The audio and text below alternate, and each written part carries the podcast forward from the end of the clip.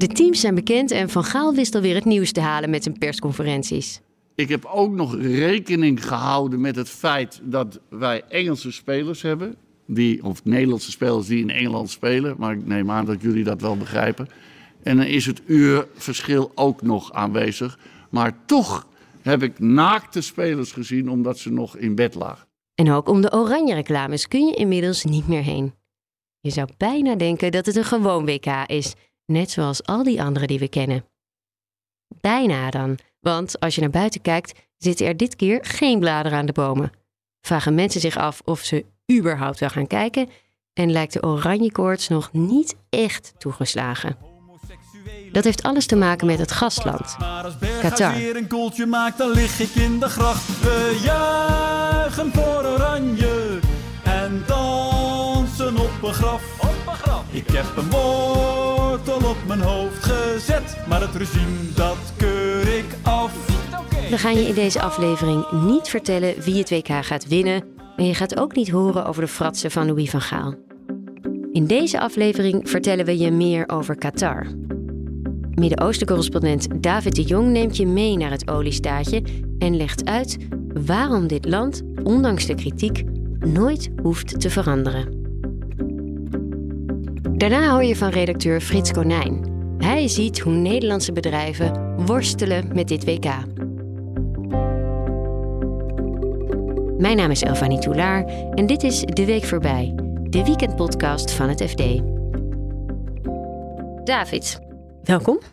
Bedankt. Jij bent eigenlijk nu ehm, onderweg vanuit eh, Tel Aviv naar Qatar. Hoe zit dat? Ja, dat is nogal met een omweg. Ja, er gaan geen directe vluchten vanuit Israël naar Qatar. Eh, Qatar en Israël hebben geen diplomatieke banden. Eh, Israël heeft met de meeste eh, landen in, in het Midden-Oosten geen diplomatieke banden. Daardoor is het eigenlijk heel veel goedkoper om via Nederland naar Qatar te vliegen. ehm, dan via Jordanië of Egypte of Turkije. Want dan moet je twee aparte vluchten boeken. Ik had die tickets al van de zomer geboekt.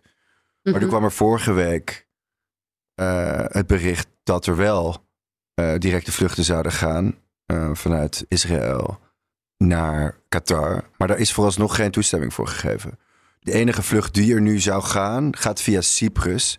Maar die moet op Cyprus landen voordat ze door mogen. Want de Qataris accepteren eigenlijk, ondanks wat, er is aan, wat FIFA heeft aangekondigd, accepteren nog steeds geen directe vluchten vanuit Israël naar, naar Qatar. Dus de FIFA heeft gezegd, eh, ja, tijdens het WK mag het wel. Rechtstreeks vliegen vanuit Israël naar Qatar. Maar in de praktijk stoppen ze dan dus even op Cyprus. Eh, sp- dan spoelen ze bij wijze van spreken even het Israëlische stof eraf. En dan kan het weer door. Precies, inderdaad. En het is zelfs zo dat wat mij verteld is door verschillende bronnen, is dat er geen enkele luchtvaartmaatschappij durft zich eraan te branden om die directe vluchten aan te eh, bieden. Dus de enige die zich nu heeft aangemeld is deze eh, Cypriotische chartermaatschappij, TUS Airways. En wat FIFA ook had aangekondigd, is dat er eh, Israëli's en Palestijnen samen op de vluchten zouden zijn. En vooralsnog is daar geen sprake van. Maar dit is een verhaal to be continued. Dit is correspondent David de Jong. Zondag landt zijn vlucht op het vliegveld van Qatar. Die dag begint ook het WK voetbal. In een land zonder eigen voetbalhistorie. Een land dat bestaat uit zand. Dat geregeerd wordt door één koninklijke familie en dat sowieso onvergelijkbaar is met de meeste andere landen. Het is een land zo groot als Noord- en Zuid-Holland eh, bij elkaar genomen. Mm, Eigenlijk raakt het dat niet eens. Dus het is echt, het is, het is piepklein. Van de 2,5 miljoen inwoners zijn er minder dan 400.000 zijn. En 2,1 miljoen, dus 85% van de bevolking, zijn gastarbeiders. Dat kunnen zowel expats zijn als de daadwerkelijke gastarbeiders. eh, waar we het zoveel over hebben gehad de afgelopen jaren. De Nepalezen, de Pakistanen, de Indiërs, de Sri Lankezen, de Bangladeshis. Die vrijwillig naar Qatar gekomen zijn, maar daaronder grotendeels eh, erbarmelijke omstandigheden te werk eh, gesteld worden.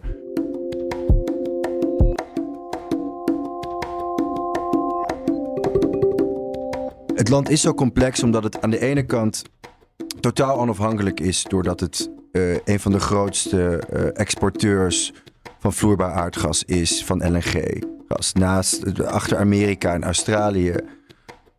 En daardoor eigenlijk ook het rijkste land ter wereld is, omdat het dus maar zo weinig originele Qatarezen zijn. Die delen in de rijkdom. Ja. Die 2,1 miljoen expats eh, en gastarbeiders. Niet, die, die delen wel in de rijkdom, maar niet, die, die, die, maar niet in dermate als de Qatarezen dat zelf doen. David zei het al even. Qatar is het rijkste land ter wereld. In zee voor de Qatarese kust ligt namelijk een enorm gasveld. Dankzij dat gasveld kan het land zich wentelen in eindeloze weelde. En die rijkdom heeft ook tot gevolg dat Qatar zich van niets en niemand iets hoeft aan te trekken. De koninklijke familie, die, die, die onafhankelijke koers die ze varen, die heeft ertoe geleid dat zij bijvoorbeeld eh, kopstukken van Hamas wonen in Doha. De Taliban, toen ze nog eh, toen ze verdreven waren, die, de, hele, kop van de, de hele top van de Taliban woonde in Doha, woonde in Qatar. Daarom ook dat Amerika toen de, tijdens de vredesonderhandelingen, die vonden allemaal in Doha en Qatar plaats met de Taliban onder Trump. Ehm, ze zijn bijvoorbeeld ook heel nauw met het Iraanse eh, regime. Ook natuurlijk een gigantische olie- en gasproducent. En het is eigenlijk een van de weinige Soenitische landen die heel nauw met het Iraanse regime eh, politieke banden onderhoudt, eh, samenwerkt op energiegebied. Daardoor hebben de Saoedi's en, en de Emiraten toen in 2017 samen met heel veel andere landen ehm, in het Midden-Oosten een diplomatieke blokkade ingesteld. De Saudis en de Emiraten wilden eigenlijk gewoon dat Qatar niet hun eigen koers eh, vaarde, maar gewoon met hun de beslissingen nam. Heel erg tegen het Iraanse regime. eh, heel erg volgens die Soenitische en Shiïtische scheidslijnen. Maar Een soort heel erg verwend, rijk rotjoch. Zo wordt het gezien. Eigenlijk, eigenlijk wel, maar zo worden de Saudis. In een zekere zin worden de Saudis en de Emiraten juist zo gezien. Terwijl van de Qataris juist wordt gezegd: ja, maar die zijn wel eh, oprecht. Want die zijn er voor, althans, als het op de, het steunen van eh, fundamentalistische organisaties, terreurorganisaties komt, eh, of, of regimes, consequent in dat ze zowel Soenieten als Shiiten steunen. Die zeggen: we zijn er voor alle moslims, althans degene die onze onze harde lijn eh, aanmeten. Qatar kan ook niet anders dan vertrouwen op de enorme macht van geld. Dat is namelijk het enige waarmee het land zich kan onderscheiden. Kijk, ze hebben te weinig inwoners om echt eh, wereldwijde invloed qua, ooit, qua defensie of, zo, of iets te hebben. Maar als je ziet dat ze bijvoorbeeld de grootste vastgoedeigenaar zijn in Londen. Ze zijn eigenaar van Canary Wharf, eh, van Harrods. ehm, eh, 20%, van, He- 20% van de aandelen van Heathrow. Ehm, ze hebben natuurlijk Paris Saint-Germain. Ehm, ze zijn de grootste aandeelhouder van eh, Porsche, van Volkswagen, van eh, Siemens.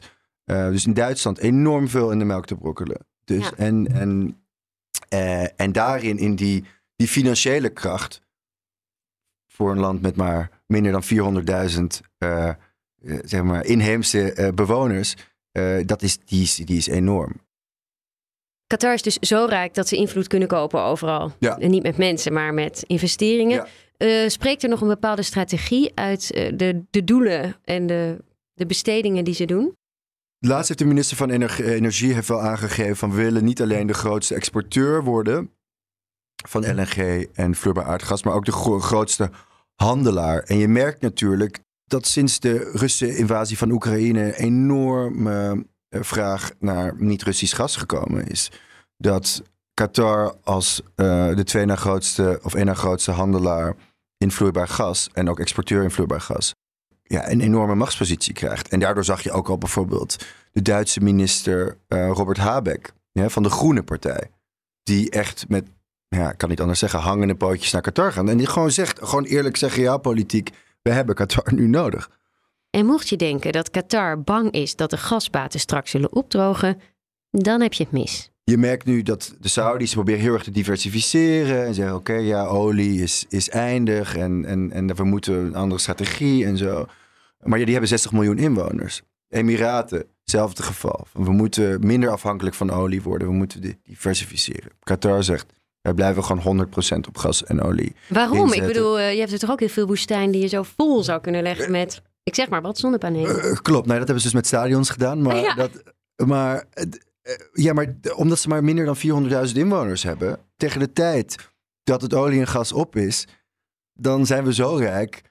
Dus we hebben helemaal niet iets anders dan fossiele energie nodig om ons beleid op in te zetten. Ze zijn zo rijk dat ze de klimaatverandering kunnen afkopen, bij wijze van spreken. Nou ja, precies. Nou De, de- de titel van mijn introductiestuk was ook een eh, Qatar, een land dat zo rijk is dat het nooit hoeft te veranderen. En dat is, dat is, dat, dat klopt. Dat is gewoon, dat, dat somt het ook gewoon zo erg op. Jij gaat hier nu naartoe. Ja. Eh, je woont in Israël. Je komt daar als eh, journalist. Werk je zelf nog onder beperkingen? Of hoe, hoe gaat jouw werk daar eruit zien? Nee, ik werk niet onder beperkingen. Ik denk dat als je als, daar als televisiejournalist of als filmjournalist naartoe gaat, of eh, dat denk ik niet, dat is zo, ehm, dan werk je wel onder beperkingen.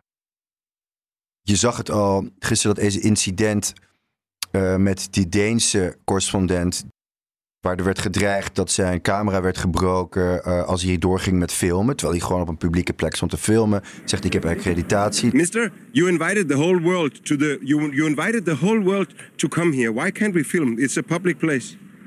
We can film with this permit. This is the upgrade pass, and this is the uh, accreditation. We can film anywhere we want. There are only, of course. But only for the Qatar. Qatar, you have Because rule. the Qatar is a No, no, no. We don't need permit. Okay, Yeah, no, no, but but but no, but listen, but listen, but listen, but you can break the camera. You want to break the camera? Okay, you No, break the you- camera. if you Okay. bring the camera, Yes. you. So you're threatening us by by by by smashing the camera. But but listen, sir. Nou, die heeft dan wel excuses gekregen. Maar je merkt dat voor filmploegen enorm eh, gevaarlijk is. En wij alle journalisten die geaccrediteerd zijn, worden niet alleen geaccrediteerd door FIFA, maar ook door de Qataris, door het Supreme Committee for Deliverance and Legacy. En je moet enorm, eh, ja, je moet een, enorm veel onderschrijven over de plekken waar je allemaal niet mag filmen. En dat mag dus ook niet. Je mag dus ook niet bij mensen thuis filmen, Nee. bijvoorbeeld. Het maakt natuurlijk voor filmploegen het enorm lastig als ze iemand, eh, als ze gastarbeiders eh, willen spreken. Zorg maar dat je een, een, dat je een, een plek vindt eh, waar, ze, waar ze zich veilig voelen om, om, om, om over hun ervaringen te praten. Of over bijvoorbeeld als het op ehm LGTBH plus rechten aankomt. Weet je wat mensen gewoon waar ze moeten treffen om, om zich veilig te voelen om eruit te spreken over het enorm punitieve beleid wat ja, tegen die mensen voert. En Ja. dat, is, dat maakt het heel erg lastig. Als schrijvend journalist eh, kan ik iedereen aanspreken en is het, is, het, is, het een stuk, is het een stuk makkelijker. Maar ik denk dat er sowieso, en dat heb ik nu ook wel met mensen gesproken, ik ben, nu enorm veel afspraken over, dat je merkt dat ook ja, de, wan, het wantrouwen of de, de, de terughoudendheid is enorm. Eh, ook bijvoorbeeld onder Nederlandse expats in Qatar, die enorm afhankelijk zijn. Die, je, je, kijk, je krijgt geen werkvisum in Qatar als expat als je niet, of dan wel voor het staatsfonds of iets met de koninklijke familie, als je daar niet voor werk voor doet. Dus zij zijn enorm bang, ook om, om met de media te praten. Eh, Hoe merk jij dat? nou ja, ik, ik, sprak, een Nederlandse zaken, ik sprak een Nederlandse zakenman en die, die zei, die zei en, en die ging bijna, die, de wantrouwen tegenover de media, dat was wel heel duidelijk, was groter dan, soort van wandra- dan het wantrouwen tegenover de koninklijke familie of de staat van Qatar. Die zeggen van ja, dus je zal merken dat er heel veel mensen eh, eh, terughoudend zijn om te praten, want, eh, want het beeld dat wordt geschetst in de media, ja, wat soms wel klopt, weet je, het was een soort van en dat werd heel erg bevestigd toen ik met zijn collega's of, of andere Nederlandse experts die daar praten, die überhaupt niet geciteerd wilden worden. Want die voelen zich ook een soort van gekrenkt door de, door de verslaggeving. Zij zijn natuurlijk afhankelijk van de, van de zaken die ze, daar, die ze daar doen. En die zegt, dit is, bad, dit is slecht bad for business. Kijk, je gaat Ja. niet... Zij zitten aan de zonnige kant. Ja, maar je gaat niet voor de lol in Qatar wonen natuurlijk. Ik bedoel, bedoel laten we het daar wel, wel voor weten. Ik bedoel, je gaat naar- in Qatar wonen om, om geld te verdienen. En het geld dat je verdient, dat komt van het staatsfonds. Of het komt, en het komt... Ja, de koninklijke familie wordt ook, controleert ook het staatsfonds. Dus het komt van de koninklijke familie. Dus van de, van de emir. Die, die, die, hebben helemaal, die hebben er helemaal geen, eh, geen enkel incentive om... Die willen, alleen maar, te die willen alleen maar de positieve. Is gewoon eh, cognitieve dissonantie. Toch lijkt het zo alsof sch- schandalen altijd een beetje van Qatar af lijken Mhm. te glijden. Hoe komt dat? Dat is een goede vraag. Ze, oh, ze zijn, omdat ze, ze zijn een beetje van Teflon gemaakt. Want het interesseert ze ook. Dus je merkt gewoon dat ze Ja, ze voelen die zich... speech, had toch die speech Klopt, ja, van de de speech, emir? klopt, klopt. We initially dealt with the matter in good faith and even considered some of the criticism as positive and useful in helping us develop aspects of ours that need to be developed. But it soon became clear to us that the campaign tends to continue and expand to include fabrications and double standards. That was so ferocious. Klopt, maar dat is, echt, dat is echt een uitzondering. Dat ze zich uitspreken over kritiek. Dat doen ze echt. Ze zijn echt wel van Teflon gemaakt. Want ze laten ze over het algemeen helemaal van zich afglijden. En ook als je bijvoorbeeld de documentaires nu over FIFA Uncovered op Netflix kijkt bijvoorbeeld. ehm, over dat ze geconfronteerd worden. met- Ze, zeggen, ze zijn er ook van overtuigd dat Qatar gewoon het beste land is. eh, om, het, om het WK te houden. Ze zeggen wij zijn de underdog. We moesten tegen Amerika en tegen, tegen Engeland. En we hadden gewoon het beste, ehm, we hadden gewoon het beste pit. We hadden het beste masterplan. Hebben we niet. En daar zijn ze echt totaal van overtuigd. Dus ik denk, als je zo van overtuigd bent van je eigen, eh, van je eigen gelijk van je eigen truc, dan, dan, dan kan je ook niks deren.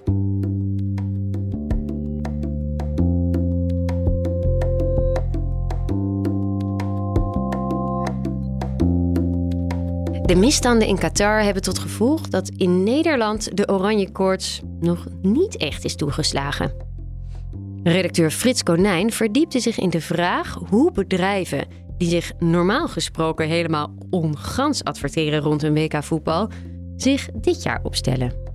Ik zie momenteel zie ik heel veel omzichtigheid. Ehm, er, er, wordt weinig eh, rechtstreeks eh, reclame gemaakt voor, eh, met het Nederlands elftal. Ik had gisteren eh, Bavaria, die hebben een soort, eh, ja, ze noemen het zelf een musical georganiseerd. Sinterklaas met de kerstman eh, in discussie over wat wel en wat niet kan. En dat we het toch vooral samen verbinden. Weet je, dat, ze gaan inzetten op dat soort termen. Gewoon niet zo vies van een beetje zakken vullen. Hè? En omkoperij, die zak voor jou is het grootste chantagemiddel van heel Nederland.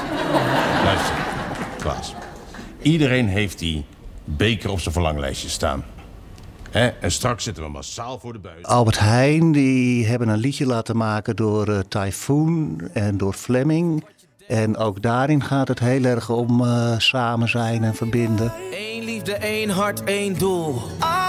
Allemaal ogen. Ja, ik zie, ik zie heel veel omzichtigheid en voorzichtigheid eh, bij deze campagnes. En dat is ook wel terecht, hè? Want we hadden eh, Jumbo Ja, dat met was een die misser. honsende bouwvakkers.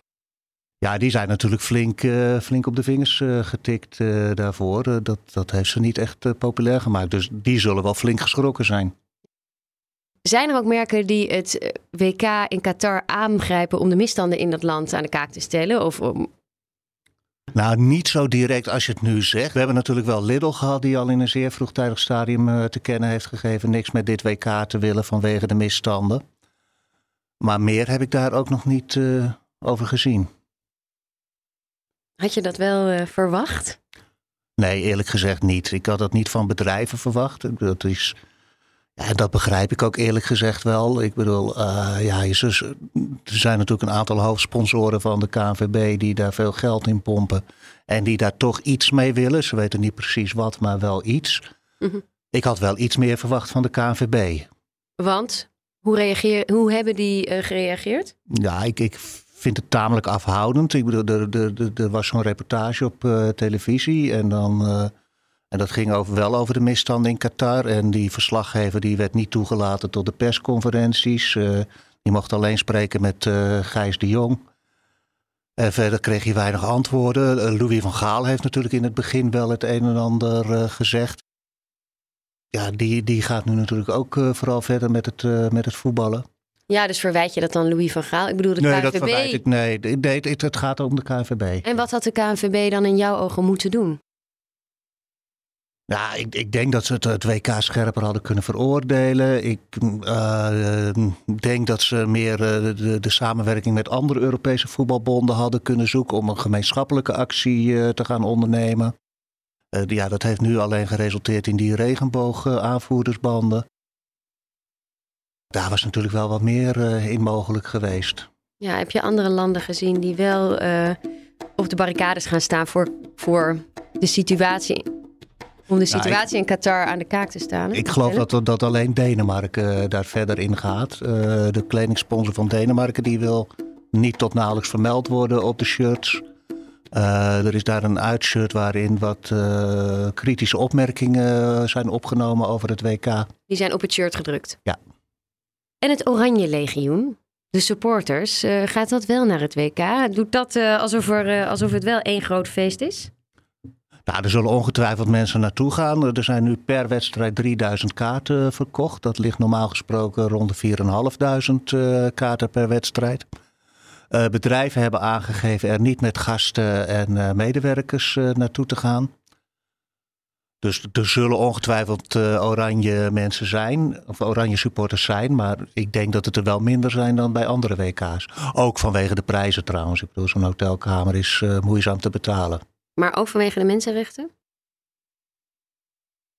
Uh, dat weet ik niet zo goed. Ik, ik, ik, ik denk het haast niet. Nou, ik, ik, het plezier in dit WK is gewoon minder. En daarmee enthousiasmeert het minder. Ik weet niet precies wat wat is. Maar ik denk wel dat het een, een, een, een samenspel is van al die dingen die erin resulteren dat er minder mensen heen gaan. De Nederlandse overheid stelt zich ook een beetje gereserveerd op. Ja, minister Connie Helder van Sport. Zij gaat naar de wedstrijd Nederland-Qatar eind deze maand. En als we heel ver komen, dan vliegen misschien ook nog wel premier Rutte of de koning richting het oliestaatje.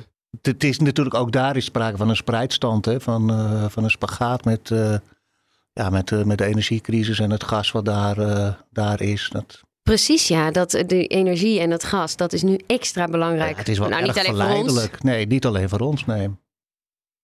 Dus het is, het, is, het, is, het is ook ingewikkeld om ze tegen de haren in te strijken. Ja.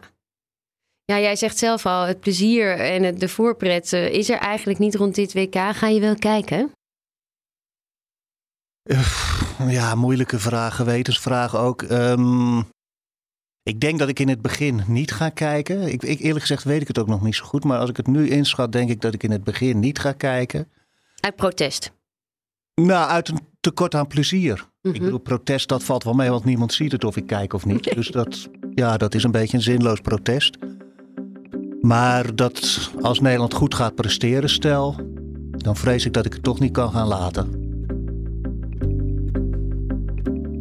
Dat was hem voor deze week.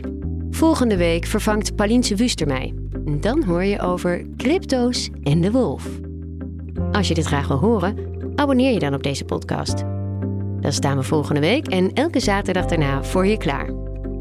Je kan natuurlijk ook reageren op deze aflevering. Je kunt mailen naar podcast.fd.nl of stuur ons een berichtje via Twitter. Ik ben daar te vinden onder de naam Ravani.